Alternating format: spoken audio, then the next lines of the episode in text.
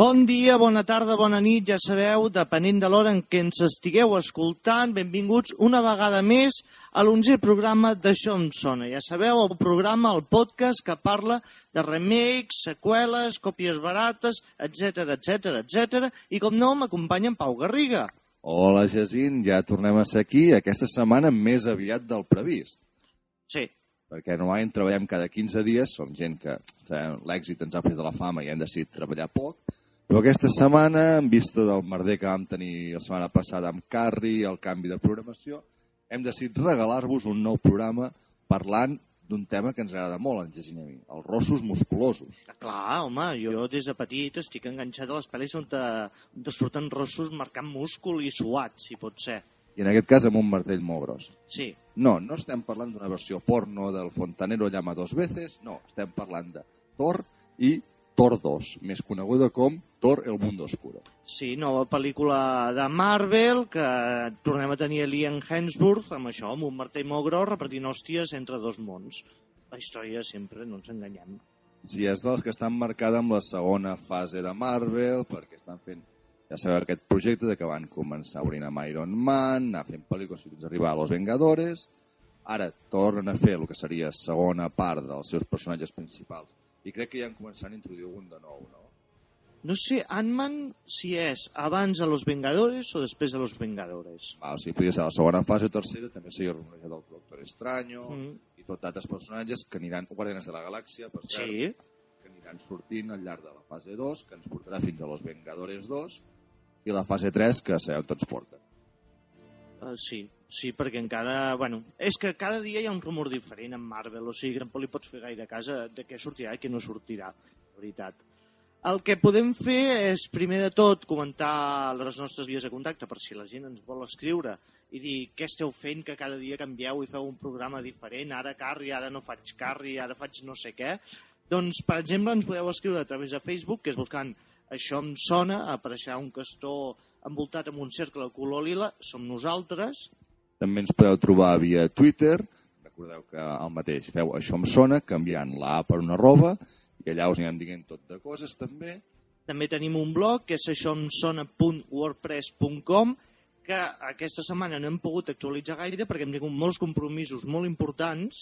I... Hem estat bastant ocupats aquesta setmana i no, no hem pogut, però sabeu que sempre us anem penjant molta informació, Sí, massa i tot. sigui correcte o no a Ah, vegades. també.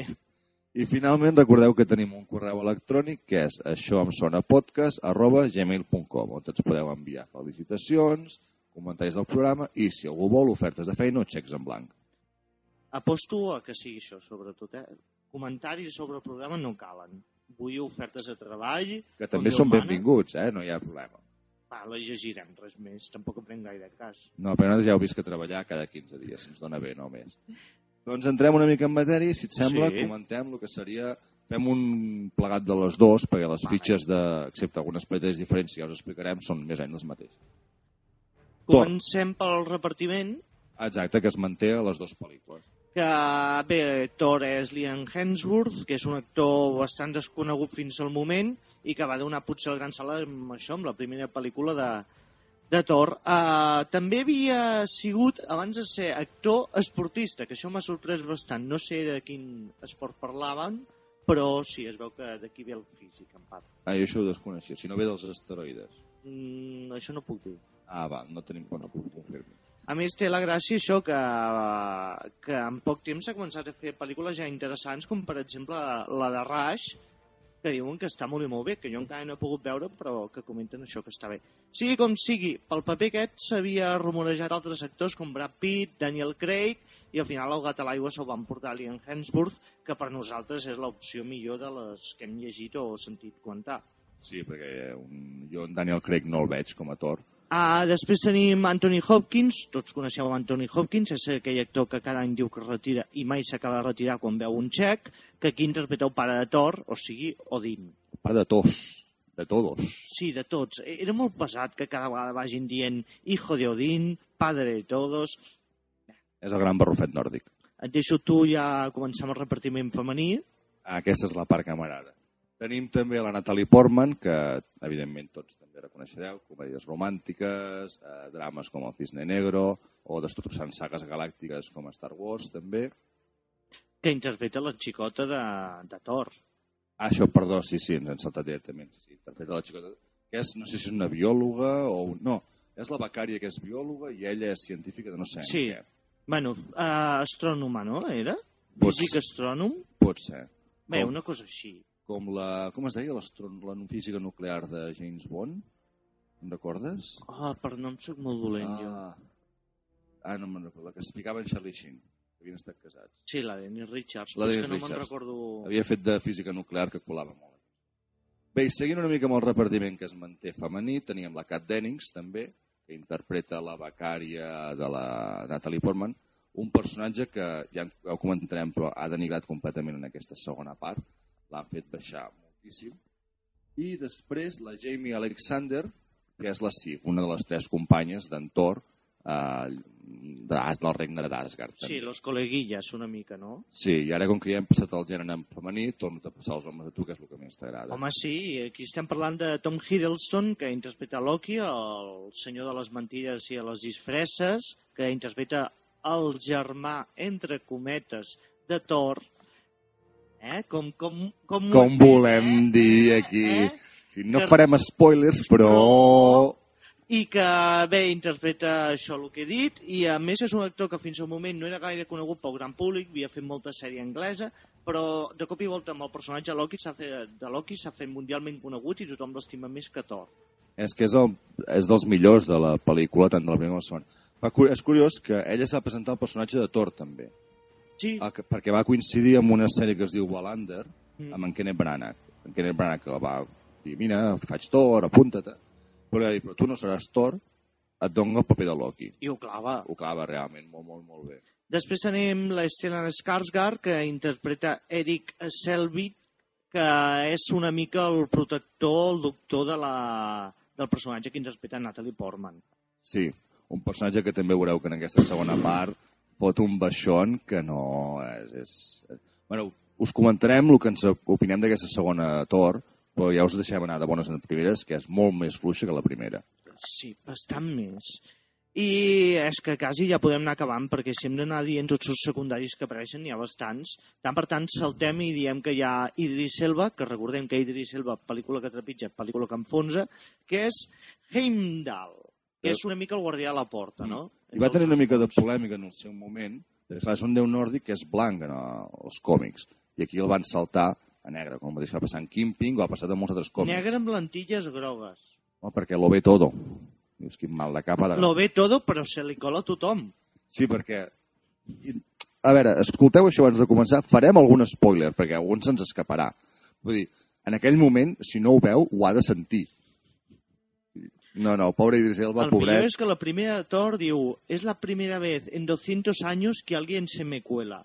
Pues dos anys després, a la següent pel·lícula se torna a colar, fill. I veiem que no és veritat, perquè hi ha un moment en què Loki i Thor s'apiren Sí, sí, i sí. la gent entra i surt d'Asgard tranquil·lament, o sigui, no...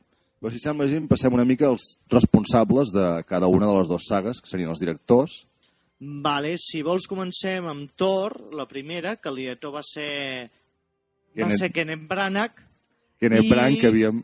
que res, que era famós per fer les adaptacions de Shakespeare i tot això, i que bé, també és conegut més aviat com a actor. Recordem que va fer la gran pel·lícula Frankenstein Mary Shelley, que va ser lo Que- peor que s'ha vist abans Robert De Niro fent de Frankenstein, uh, no, no ho sé. Fins que ara saltarem el nou Frankenstein que estan preparant, que no sé si has vist el tràiler. Jo Frankenstein, no? Jo Frankenstein. no, que és com jo Claudio, però molt, molt xunga. Si en busqueu el trailer per internet. I a més, és molt conegut això, el que deia en Jacint, actor i director al mateix temps, ha portat a Hamlet, per exemple, Otelo, és molt fan de Shakespeare, i ara és el responsable, com a director i com a actor, segurament d'enfonsar la nova saga del reinici de Jack Ryan. Enfonsar per què? Has vist el tràiler? Sí, Jack Ryan és un espia eh, Sí. amb una mica d'acció, però no és un Jason Bourne. I el tràiler, que per cert protagonitza Chris Pine, és un estil Jason Bourne molt xungo. Ah, bueno, no, no, no m'hi vull ficar perquè la saga aquesta Jet Ryan a mi m'agrada molt i els inicis ell comença sent analista, després fa treball de camp i després acaba sent un agent reconfirmat. Però si això és un reboot, estem als inicis. Sí, Per tant, està fent el personatge que ja va fer Ben Affleck sí. en el seu moment, quan Sí. encara teòricament és analista. I aquí el veiem eh, disparant, saltant, corrent, fent de tot. Bé, eh, perquè els agents eh, de despatx també han d'estar en bona forma física, o algo. Ja, si cuela, cuela, i si no me la pela, no? I després comentar que un dels guionistes, perquè hi ha molt de guionista com en totes les produccions de Marvel, que tenen tres o quatre guionistes i tothom fa una reescritura. Destacar Don Payne, que és un especialista, pel que veig, en pel·lícules de Marvel, perquè ha fet o ha reescrit les dos de, de Thor, també ha participat a Los Cuatro Fantásticos i pel que veig també en el Simpson. Sí. Una I mica sorprenent. Va, vaig anar fet uns quants capítols i lamentablement veiem que no tornarà a escriure més. No, no, no, si ho fas malament, normalment et torna a donar feina. No, bàsicament perquè està mort. Ah, Avui. ah clar, per això sortia la pel·lícula dedicada a ell, no és perquè ho hagués fet bé. No, no, perquè en aquest cas, si et dediquen a aquesta pel·li, no és perquè ho has fet bé, perquè no hi ha res que se salvi. I el, i el guió el de menys, diguéssim. Però si pobre Don Payne va morir ara fa poc. Doncs, si vols, parla tu de, de l'equip de, de Thor 2, que Clar. canviem el director. Canviem el director no a millor, perquè Kenneth Branagh va fer una gran feina, i aquest cop l'encarreguen a Alan Taylor. Es veu que el tema de la direcció d'aquesta segona Thor ha sigut bastant complicat, perquè Kenneth Branagh va dir que no, el típic que diuen sempre per diferències creatives. Es va rumorejar i va començar fins i tot a treballar una tal Jane Perkins, o Jerry Perkins, no me'n recordo, que venia recomanada de la Natalie Portman. Que una cosa que no hem comentat de la Portman és que ella va dir que això del cinema de superherois s'havia acabat, que ella no sortiria més, fins que li van posar un xec amb uns quants euros a davant, i va dir que sí. Com que la Perkins va acabar caient el mateix per diferències creatives, i suposen que veure la merda que estaven fent i van dir, pleguem, van acabar agafant aquest, l'Alan Taylor, que sorprenentment eh, és la primera pel·li que fa. I es nota. Es nota. I per què es nota? Perquè ell és un director de televisió. Ha fet bastants capítols de Game of Thrones, ha fet capítols de Boardwalk Empire, de Mad Men, West Wing també havia fet. Hem estat mirant i gairebé totes les grans Sí. ha anat, fet, ha anat fent un capítol, dos, ha anat saltant. I això es nota amb la realització, ho comentàvem Gesín, només sortir de la pel·li, de que és molt televisiva. I no... Molt primer pla, pla mig, eh, sense èpica, el tempo amb el ritme aquest televisiu, Mm. no... Es nota que no és el seu camp. O sigui, estem parlant de déus nòrdics eh, grandiloquents i les batalles és el que diuen Gesín, tot és molt curt, no hi ha moments d'aquests de pla general gros on te mostrin tot l'esplendor. És una miqueta el que li falla. I bé, el mateix que passa amb Toru, tenim diversos eh, escriptors, que són els encarregats del guió, que jo crec que són falsos, perquè no n'hi ha. O sigui, no, no van fer servir marinetes de cartró, O bé no es parlaven entre ells i cadascú escrivia el seu. Ah, també, jo escrivo la part de Asgard, tu fas la de la Terra i tu fas el del mig, a veure si ho lliguem. Perquè el guió, senyors, no s'aguanta per enlloc. I això que diuen que està basat en una saga eh, de l'època de còmics de- d'en Ed Solomon, que és una de les millors sagues, diuen. Doncs I- no, no deu tenir res. A... Bueno, o li agafa el nom i poca cosa més, perquè, bueno, mm, ho anirem comentant, però incongruències de guió n'hi ha moltíssimes. O sigui, hi ha coses que, ja no només amb el que seria la lògica normal i corrent de, humana, per dir-ho així, o la real, sinó ja amb el propi univers Marvel, que normalment sempre és bastant consistent, aquí mmm, hi ha coses que no s'aguanten per enlloc. Vull dir, no, no, no apareix S.H.I.E.L.D., no apareixen els, els Vengadores en cap moment. Les referències que se'n fan són simplement per omplir... Per dir, mira, som de Marvel, sí, també. Sí. No, com sembla, sembla que és Iron Man 3, que sí que veus que la, ha afectat el personatge d'Antoni Stark, es parla de, de S.H.I.E.L.D., hi ha converses i tot. Bueno, és que la màxima connexió que té és quan hi ha un cameo, entre cometes, al Capità Amèrica. I un moment que diu, ai, que raro que los de S.H.I.E.L.D. no han venido. Sí. I ja, ja està. està, vull dir, no, no, no. Per cert, per mi, gran cameo, mm, m'ho vaig passar molt bé amb aquell tros. Era esperat, segur que un, algú hauria de sortir. Però no, no, està com una mica apartada i deixada de banda de, del que seria l'univers Marvel. És que la sensació que ens va deixar Thor 2 era com és una pel·lícula que s'ha de fer, doncs fem-la. Però tampoc... Sí, no... Jo, bueno, mm, sensacions de la primera, per mi és la més fluixa de la primera fase de Marvel. I tinc la sensació que, com que saben que és la més fluixa, aquesta l'han deixat completament de banda i han centrat els esforços amb Iron Mans, Vengadores, Capitans Amèriques i ara el nou Guardians de la Galàxia. Mm. I tot han dit, va, el que diuen Jacint, hem de fer un Thor 2 perquè tenim els personatges, aprofitem i els explotem, però la deixem molt de banda. Que és una llàstima, perquè si la primera que va funcionar va fer 400 milions, això vol dir que el públic eh, t'hi pots arriscar més. O sigui, amb Iron Man sí que és més puta arriscar-te i fer canvis. Però aquesta, que se suposa que tampoc és la que cria més l'atenció de tots els teus personatges, tens l'oportunitat de currar-t'ho. Pues no, han fet una cosa una mica en sèrie. De, han de sortir aquests elements, els fiquem en un ordre com sigui, agafem un director que tampoc té gaire experiència, però que, mira, com que ha fet Juego de Tronos, més o menys ja sap Mm. de què va la cosa, endavant. I tenim Una els personatges de la fitxats ja per, Sí. sí. suposo, dos o tres pel·lícules, ho aprofitem. I jo, lligat amb això, crec que és dels personatges, enteneu-me, més desconeguts d'aquests grans que estan sortint ara. Deixant de banda eh, la Viuda Negra i l'Ojo d'Halcón, que són eh, els més secundaris que no tenen ja ni pel·lícula pròpia. I podrien aprofitar per dir, vale, doncs fem-lo atractiu al públic, ja que no en el còmic no ho és tant, doncs fem-ho la pel·lícula. I no funciona. Si et sembla, Jacint, recuperem una miqueta l'argument de la Sí. primera part i després comentem el de la segona. Uh, la primera part ens serveix per presentar els personatges. Veiem que tenim nou regnes, em sembla que són, Sí. on ens centrem en tres en aquest cas, igual que passa ara. Que hi ha el regne d'Asgard, que és on te viu Odin, el padre de todos, i els germans Thor i Loki, que són com déus vikings i es dediquen bàsicament a la lluita i a posar pau a tots els regnes. I estan en guerra amb un dels regnes, que és el regne del gel, que són hi ha los gigantes de hielo.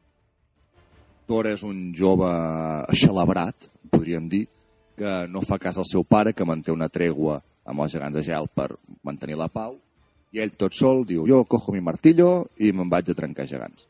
Total, que al desobeir el seu pare, Thor és castigat, ser enviat a la Terra sense poders i amb el seu martell que es diu Mitsrondi o alguna així. El No, nom no me'n recordo. no me'n jo recordo. amb nom soc fatal. no, és que a part tot, tot té noms molt raros en aquestes pel·lícules.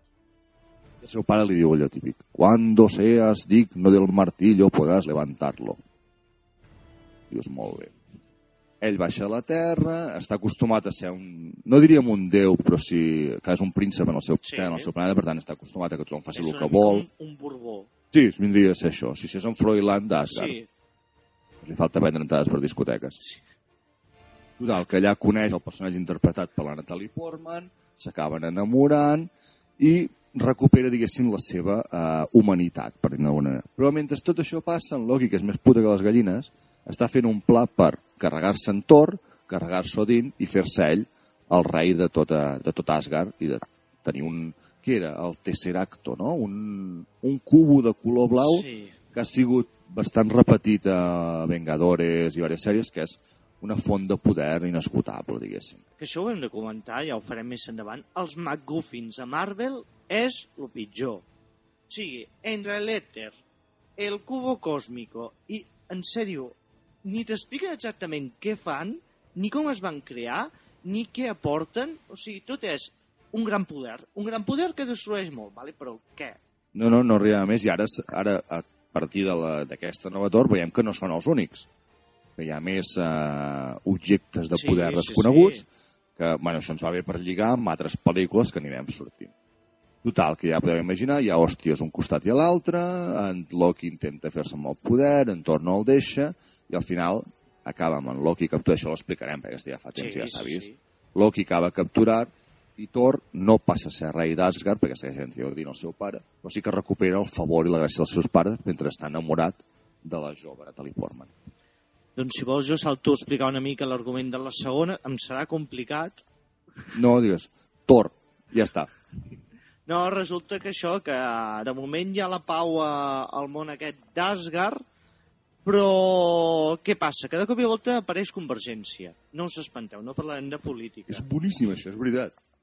Apareix una convergència planetària que volen aprofitar los elfos oscuros, ojo, tampoc estem parlant del senyor dels anells, que és una raça que va ser guanyada per Odin. Aquests es volen venjar i conquistar la Terra i, bueno, i tots els planetes existents utilitzant això i utilitzant l'èter. Que l'èter és com una matèria rotllo el que converteix Carnage a Spider-Man, que és una cosa vermella i negra, Pon tanta mala llet que la gent Porter aquesta acaba siguent la portadora de l'èter i, clar, els elfos oscurs volen segrestar la gent Porter i en Thor vol defensar la gent Porter i com que maten a la mare de Loki i de Thor, Spoilers! és igual. Loki s'ajunta amb Thor, que alhora resulta que no, però resulta que sí. Un cacau que no porta enlloc. Total, que veureu hòsties entre dos mons. Perquè tant es foten hòsties a Asgard com es foten hòsties a altres planetes com es foten hòsties a la Terra. Però hòsties molt justes, perquè hi ha un punt en què sembla més una comèdia romàntica. Sí, sí, sí. Amb, esperes en qualsevol moment veure sortint... A més, està ambientada a Londres... sí. Veus, en Hugh Grant, dius, aquí ha de sortir en Hugh Grant i la... la, la, la ah, ara no sortirà. McDowell. L'Andy McDowell corrent per allà al mig i dius, no, no, no, no, senyor. Ah, bueno, eh, podria extendre'm més, però és que tam... l'argument, argument és que és molt simple.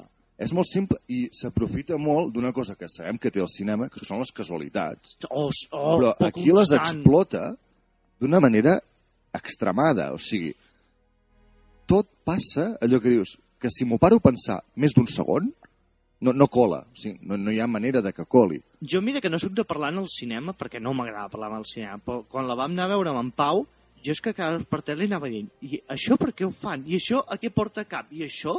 Perquè, no, és que reconnectàvem res. Eren escenes que, si no penses, potser te la colen. I molt just. Sí, però si res, a la que et preguntis el per què d'algun personatge o la motivació d'algun personatge, s'esfondrà tot.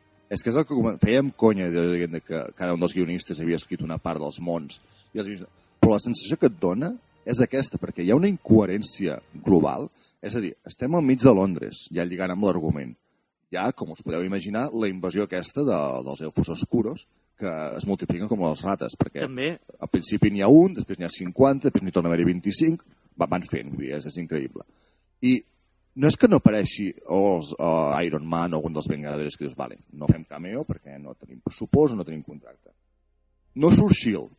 Això ja no cola tant, perquè si són els encarregats de, de vetllar per la pau mundial, és que no arriba ni la policia anglesa. És molt trist. I bueno, i quan apareix la policia és una mica de... Bueno, és un tio vestit de viking, no passa res. No? I fixa't que surten quan fan un allanamiento de morada en una nau abandonada, ara quan tens una nau espacial de 5 quilòmetres d'alçada al mig de Londres, els hi surt el rabo Oh, directament. fantàstic el moment que hi envien dos avions de guerra i li diuen, ¿es una nave enemiga? Oh, oh, No diu, és hostil. Sí. I el bitxo està quiet allà al mig sense fer res i diuen, sí, és hostil.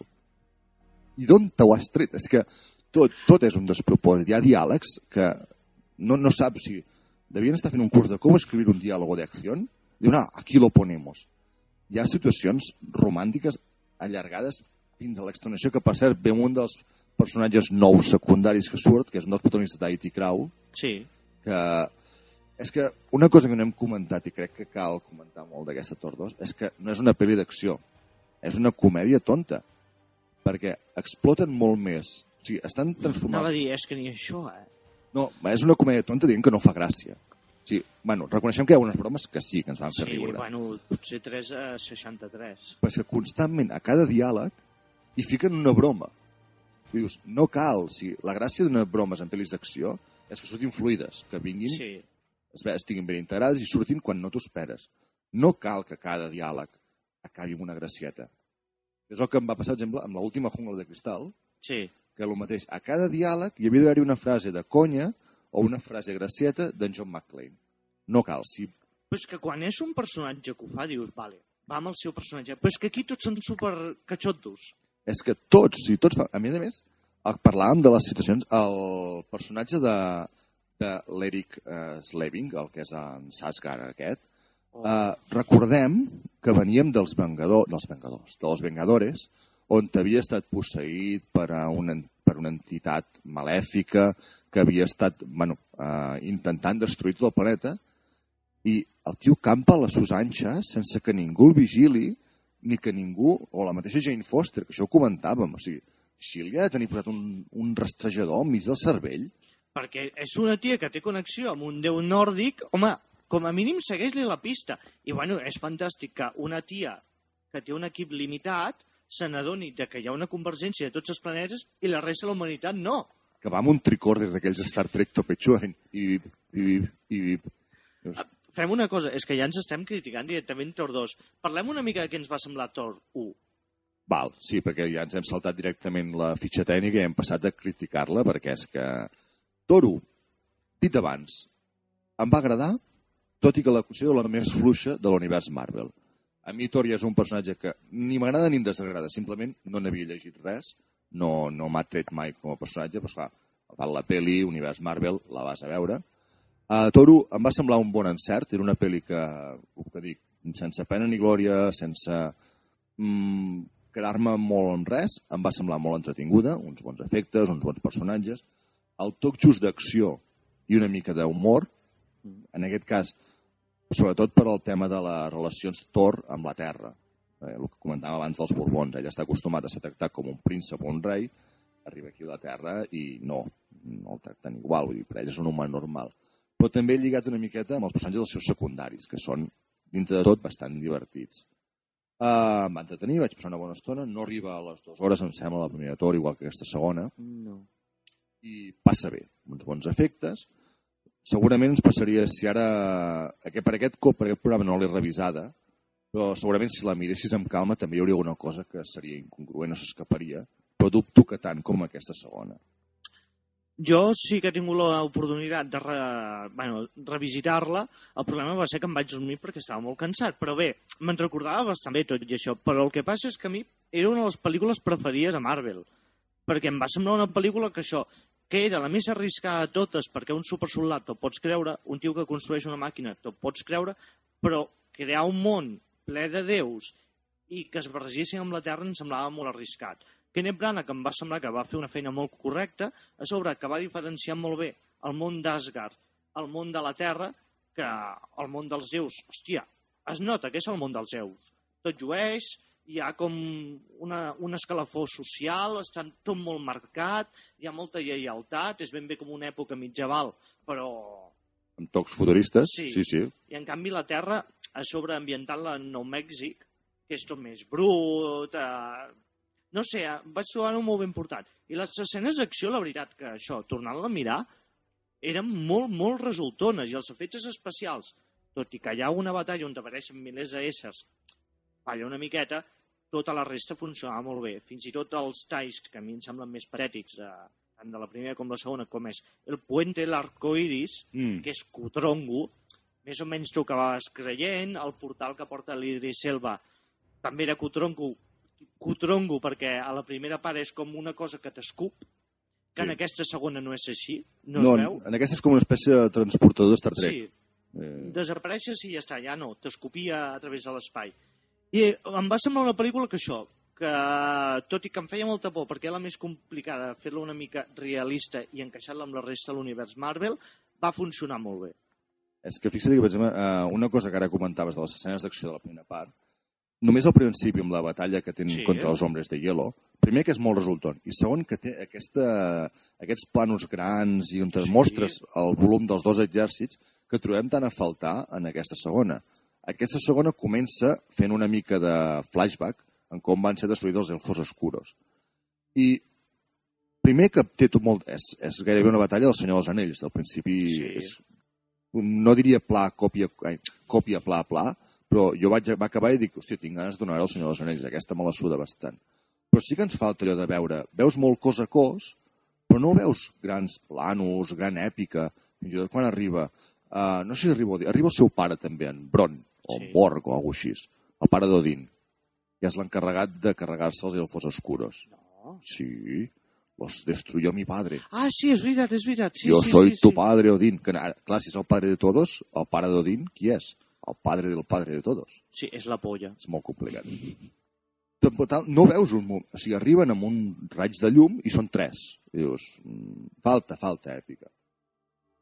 I lligat amb el, també amb el que comentaves, la primera, eh, a mi el que em va tirar una miqueta endarrere és els, eh, les armadures, això que tot sigui or molt, molt gran, els cascos aquests grossos i així, Però jo no sé si això amb els còmics eh, ho segueix o no ho segueix. Però o sigui o no, o no hi sigui, és que jo trobo que estava bé, perquè era una mica diferenciar lo terrenal Mm. del, dels déus, o sigui, cony, és que la segona part és un puto decorat de cartró pedra que es veu tot desgastat. Falla no molt. Té, no té res de- de- d'espectacular, de, de Mm. déus, de, de poder suprem.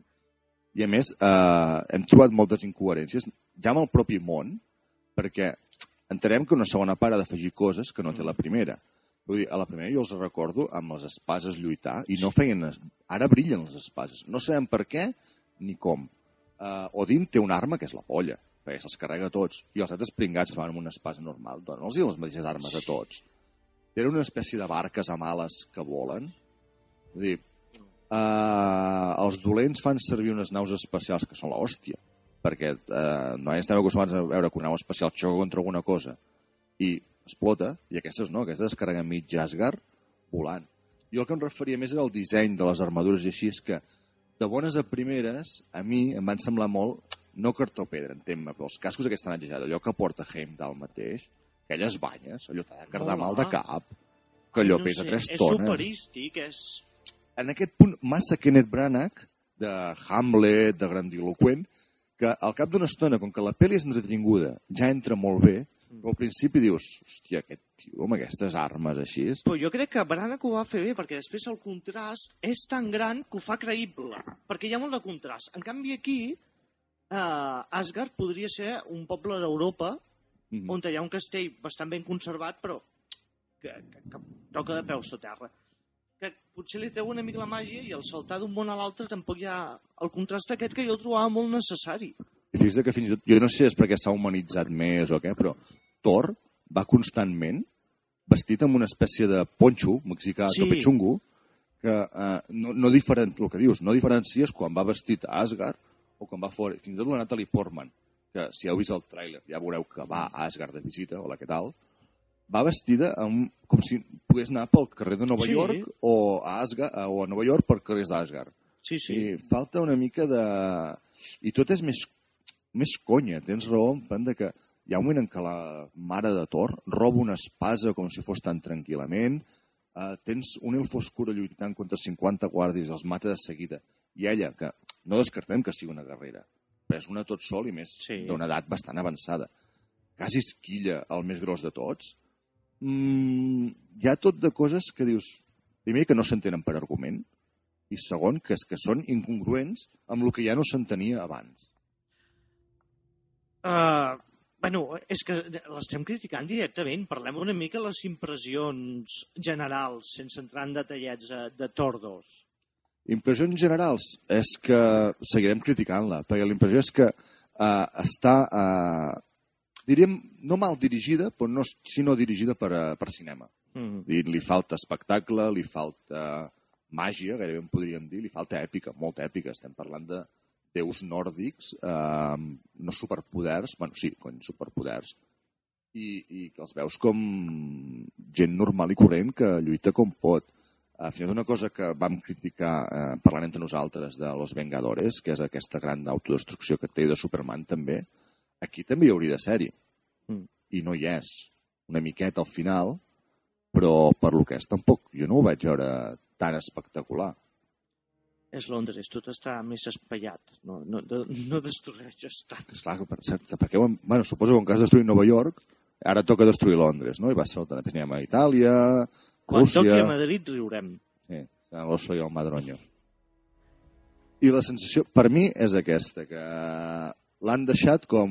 Vale, eh, és un personatge que tenim els drets, tenim els actors, tenim tot, però ens la prenem una mica com a segon, secundà- secundària. Jo m'afegeixo al carro eh, apuntant per l'amunt que primer la direcció és això molt, molt rudimentària, que no, no llueix. En segon lloc, el guió, que el que tu havies comentat fora de micro, que si has plantejat els personatges ja saps com són, entra directe a explicar-me una història. Aquí tenim una hora abans de que comenci a passar alguna cosa una mica interessant. I en tercer lloc es nota que molts sectors han participat perquè tenen contracte i han de complir perquè les actuacions és que no llueixen en lloc. A part de la becària que cau en gràcia, I perquè està bastant bona, a part d'això. sí, La resta és ben bé, anem a cobrar el xec, eh, acabem amb això ràpid i ja està. I el disseny de producció és el que dic, eh, hasta li canvien el parche a Odin. Sí. Ara, perquè ara ja és d'or, ha pujat de nivell. Mm, No sé, eh, o sigui, és una oportunitat perduda d'explicar una història que és això, si el director no, no se'n surt gaire amb escenes espectaculars, pot ser, hòstia, treballa't una mica el guió i que vingui tot una mica més rodat.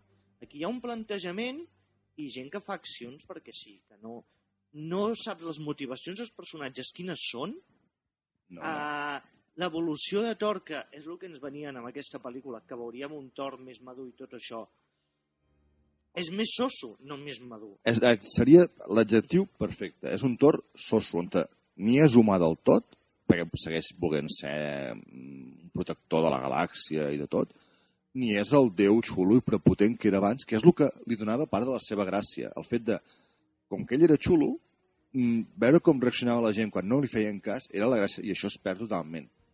I jo, per exemple, també és eh, lligat amb l'argument. Hi ha personatges, com el que dèiem els secundaris, en Ray Stevenson, Sí, la Jamie Alexander aquesta mateixa, que surten perquè deuen tenir contracte. sí.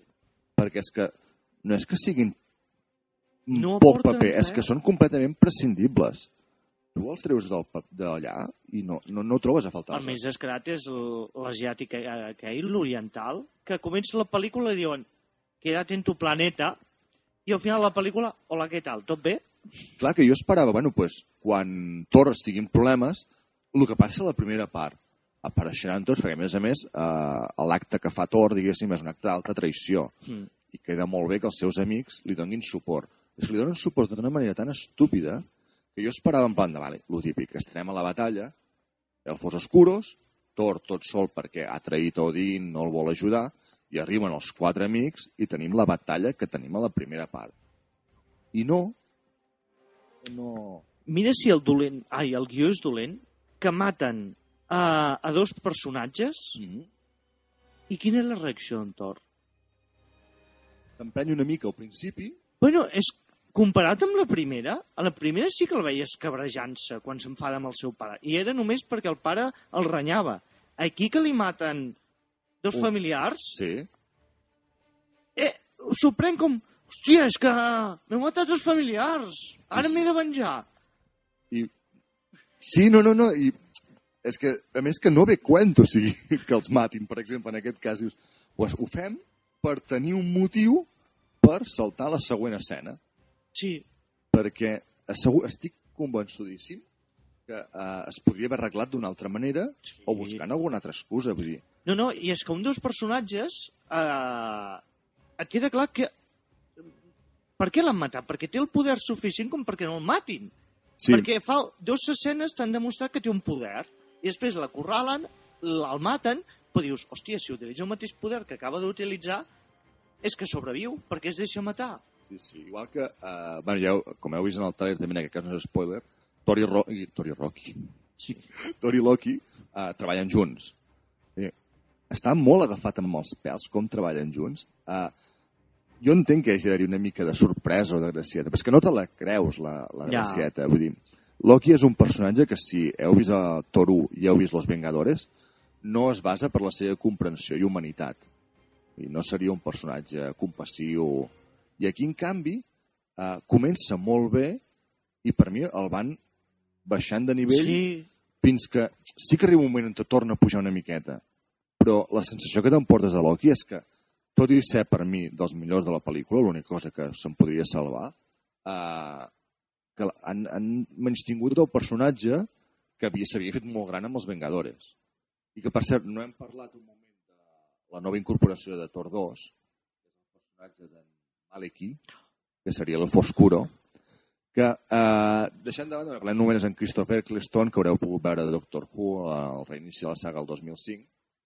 Primer, que té certa gràcia, tot i que no et recordava molt a Hellboy 2, els elfos oscuros. Que Sí, sortien. bueno. bueno, vale, tots els elfos oscuros són blancs, amb punxes i amb els cabells blancs i llargs.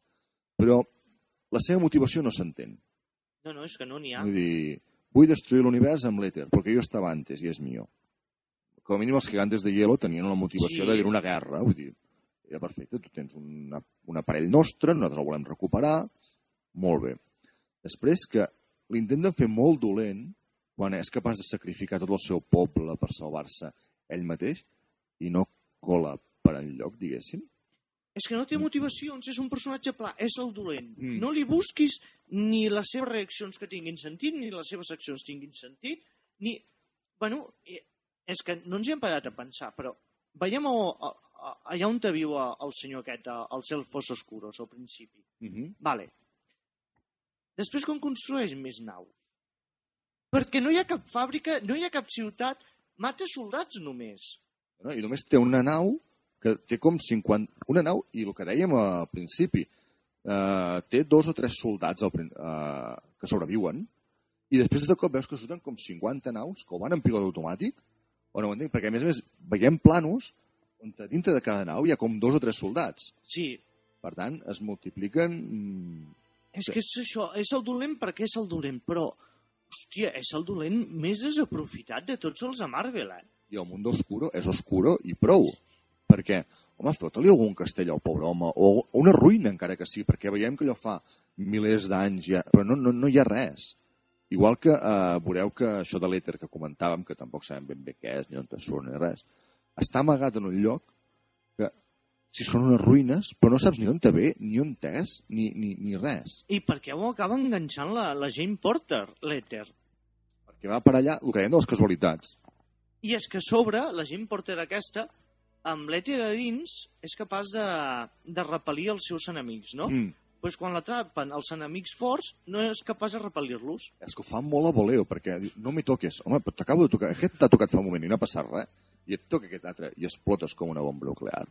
Dir, no, I això que dius també, veus, això no hi havia pensat. O Jo sigui, sí, jo quan ho vaig veure dic, o sigui, ara l'atrapen els dolents de veritat i ara no reacciona el bitxo aquest, ara que tens por? A més a més, que és, comentàvem de que l'argument no hi és i que va lligat. O sigui, el pla de Thor sigui, per destruir l'èter, que a més a més li diuen no se puede destruir. Sigui, primer que de bones maneres saps que fallarà. O sigui, ja ho veus a venir de lluny. Però és que segon és que és, és completament estúpid. O sigui, tenim l'èter. No, no l'amaguem. No, no, no. Portem-lo un lloc on sigui fàcil de trobar i de veure. Igual que, rec- és que és un dels propòsits darrere l'altre. En Malek i aquest, hi ha un moment en què es transforma en Hulk, fa Sí. com 5 metres, Sí, que tampoc t'expliquen per què, perquè a la Natalie Portman li passa i ella no creix. sí, bueno, i el, i el seu company, que, Però- tam... Allò perquè tenen la pedra aquella que, xunga que aquella màgica pedra què és? és asteroides en vena. O sigui, es, es xuten en vena, però s'ho fan amb una pedra. Sí, no ho entenc. I no, no, no Tenen, eh, us ho expliquem, tenen una espècie de pedra màgica vermella que fa que els soldats es transformin en supersoldats. Si tu agafes la pedra, la trenques i ets un supersoldat molt xungo, on la teva pell es fusiona amb l'armadura que... Eres una bèstia molt xunga, molt, molt, molt rara. I una, un Boba Fett, un Boba Fett especial gairebé. Que, per cert, uh, la primera batalla que veiem, que és un altre planeta, que està Mhm. ficant pau en tot, rotllo ONG, però amb hòsties, uh, les armadures que porten és que són tretes de, de Star Wars. I a més, bastant, no ridícules, però quasi. Vull dir, I van amb fàsers, o sigui, amb pistoles làser. Això m'ha sorprendre molt, sobretot a la segona batalla, quan ataquen a Asgard, que dius, els asgardianos, que van amb unes espases de merda que t'has d'acostar per tocar-los, eh? I els... i altres van amb làsers. Clar, és que, cony, no m'estranya que guanyin. I a la que els asgardianos arriben allà. A part, sí, Thor fot unes hòsties que flipes amb el martell, i altres tenen unes putes espases allà, que que de pinxo, fa, fallen moltíssimes coses. Vols que parlem una mica del sentit de l'humor? Sí, és dolent. Bueno, o del no sentit de l'humor? Reconeixem, sigui, hi ha bromes, jo vaig riure, hi ha bromes que vaig sí, riure. bromes de la pel·lícula i bromes que fèiem nosaltres, perquè lo de la convergència ha, ha llegado a la convergència i llega al mal. Dius, mas, que aquí en Duran ja ha fotut alguna cosa. Però, sí, sí, a veure, té algunes bromes bones, no, no ho negarem, té algunes ben posadetes, però, en general, l'humor està sobreexplotat, arribant-lo a fer cansa... cansino, és diguéssim. sobre saturació. Uh, I l'evolució dels personatges, si mireu seguides Thor 1 i Thor 2, és que no hi ha cap... O sigui, semblen personatges tots diferents, no, no encaixa un amb l'altre. El que deia és el científic. Mm. Per què has de convertir el tio aquest en, És que és el, eh, el científic boig de les pel·lícules dels anys 50 o 60. És que per què van pilotes per Sí. Stargate? O sigui, entenc el que vol fer, eh? vull dir, uh, veureu que ell té una espècie d'aparell, perquè el que comentava en Gisin fa un moment, la NASA, la NSA i tots aquests aquí són incapaços de descobrir res i el tio amb un tricorder veu el que passa. I crea un invent per intentar evitar-ho. Ha d'anar amb pilotes per posar-lo? O sigui, no cal. Sigui, vols clavar uns pals a terra? Fes-ho dissimuladament. Si posen pilotes, et veuran segur. I la becària, que encara continua sent becària dos anys després, per què té un becari? És que tampoc s'entén. I per què ha de fer una broma I, a cada paraula? I qui fot una becària? A Estats Units? A Londres? I el becari on és? De Londres, als Estats Units, se l'han portat. Qui paga les despeses? Uh, els Erasmus. És que... Que, a més a més, viuen tots junts. Sí, bueno, això tampoc t'ho expliquen. Sí. O sigui, No, home, al ja, final de la pel·lícula veus que estan tots en un pis esmorzant. Punto. clar, hi ha el becari, hi ha la científica, hi ha la Natalie Portman i hi ha el becari de la becària, que també uh, intenta fer gràcia i, i no en fa. O sigui, uh, escena de la pel·lícula, imagineu-vos, eh? un forat temporal, on te desapareixen, hi ha coses que els llences i desapareixen. I tira les claus del cotxe. O sigui, no m'estranya que siguis becari. No, no arribes, en becari d'una becària. Y luego es que a la escena aquesta diuen hay cosas que vuelven a aparecer y hay cosas que no. Per què? Perquè després veiem el planeta aquell i sí, hi ha les claus, hi ha sabates, no sé què. Què vol dir? Que qui ho agafa? Qui... No, però és que a veure, tens una astrònoma brillant, com se suposa que és la Jane Foster. Una becària que l'ha ajudat a descobrir que existeix un món extern on hi ha uns déus que tenen poders. Un cient... No, el científic encara no hi és, perdó. Un becari que vulguis o no, alguna cosa ha d'haver estudiat. Descobreixen una fissura espacial o temporal com... I tot el que s'aconsegueix fer és llançar-hi sabates.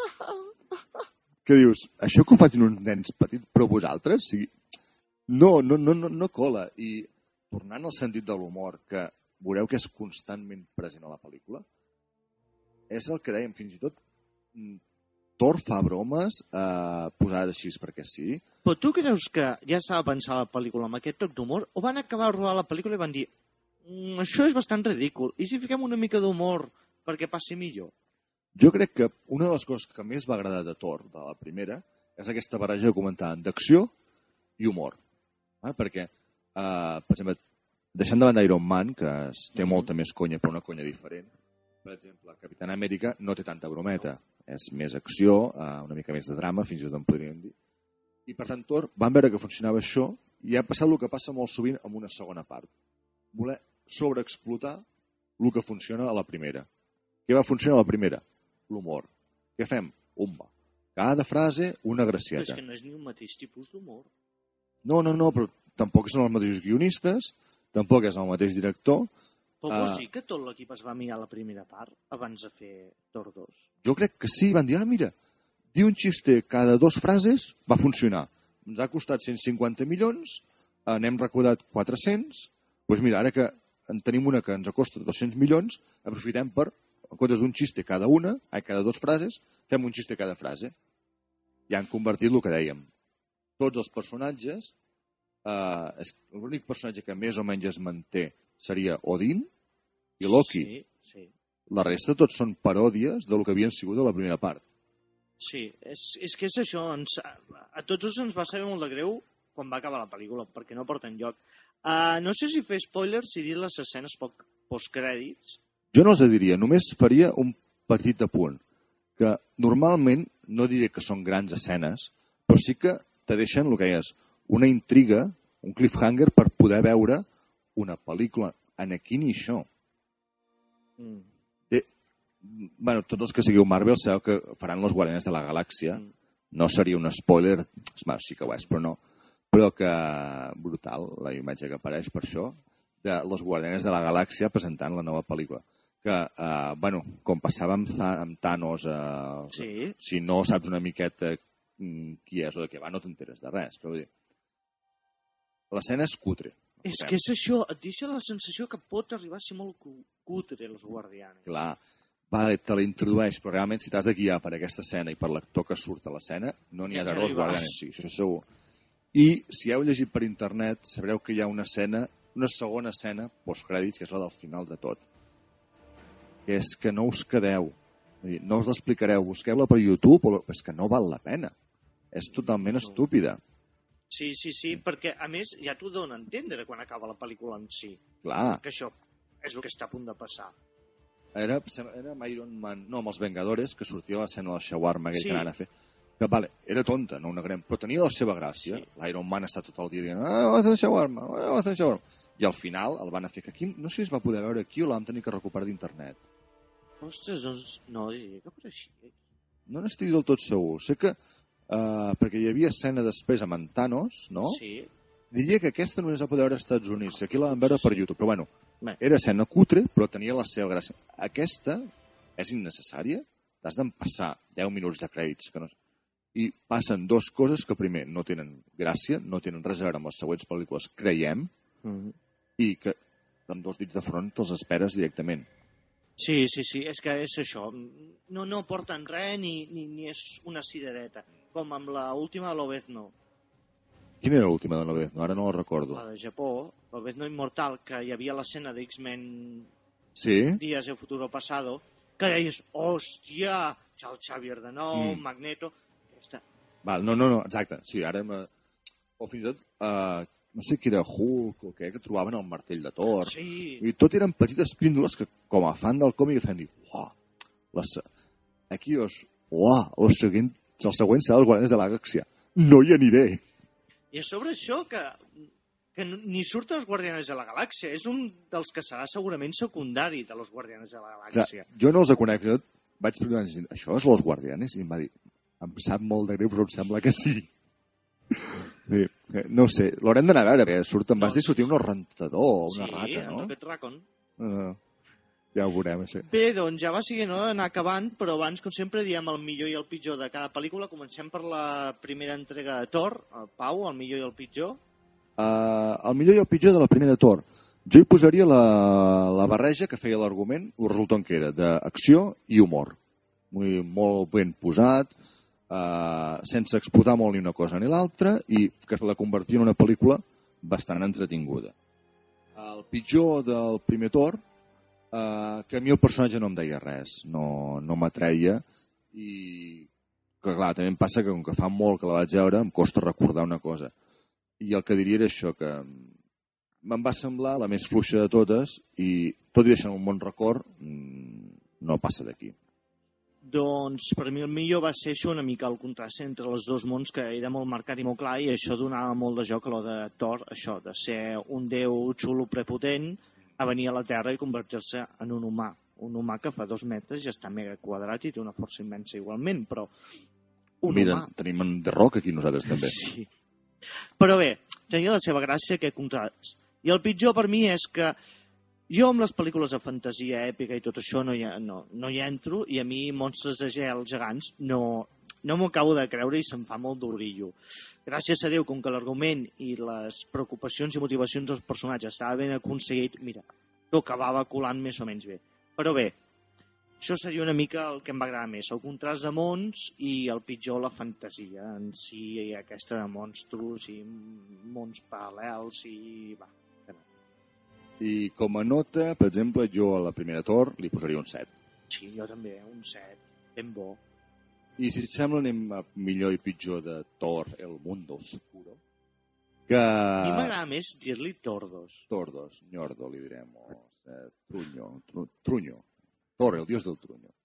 Bé, que el pitjor, eh, tot en general. O sigui, sí, sí, en sèrio, vull dir, la falta de motivació dels actors a l'hora de rodar, la falta d'experiència, perquè, entenem-nos, bueno, des del meu punt de vista, no està mal dirigida, però no és un producte de cine. De cine.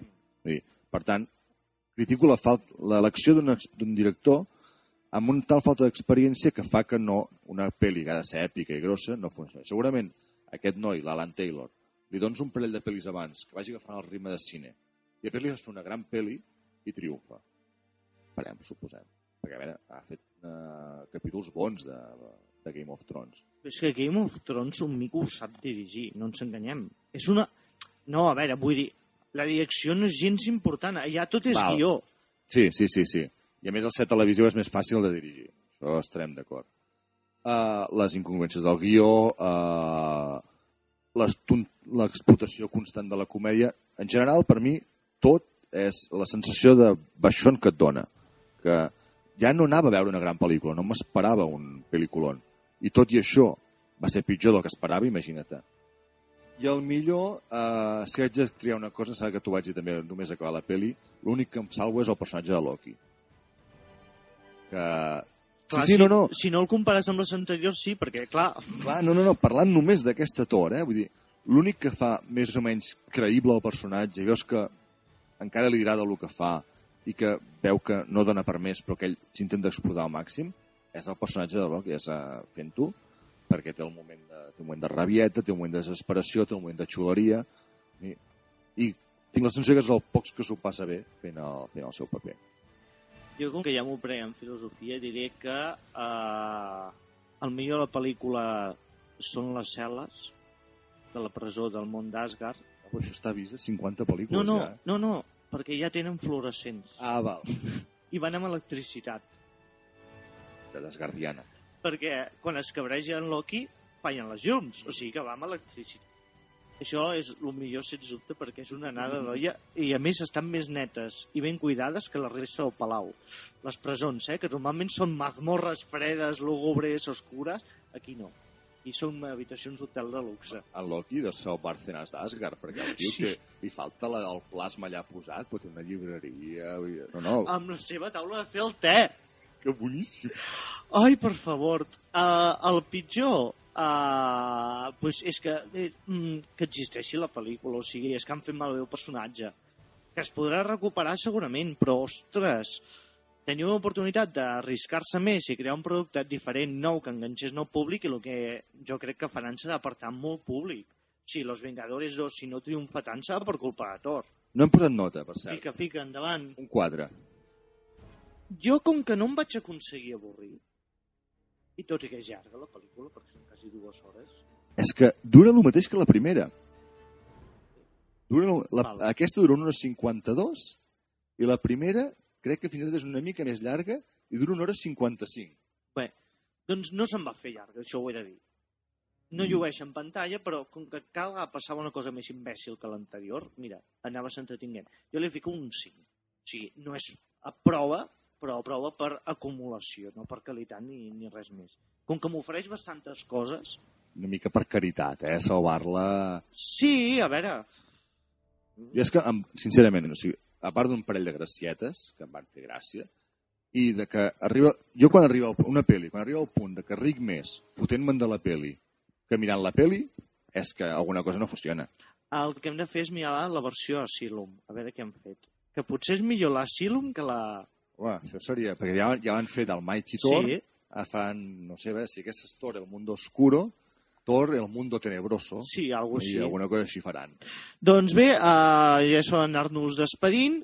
Us podríem dir de què parlarem al següent programa, però no ho farem.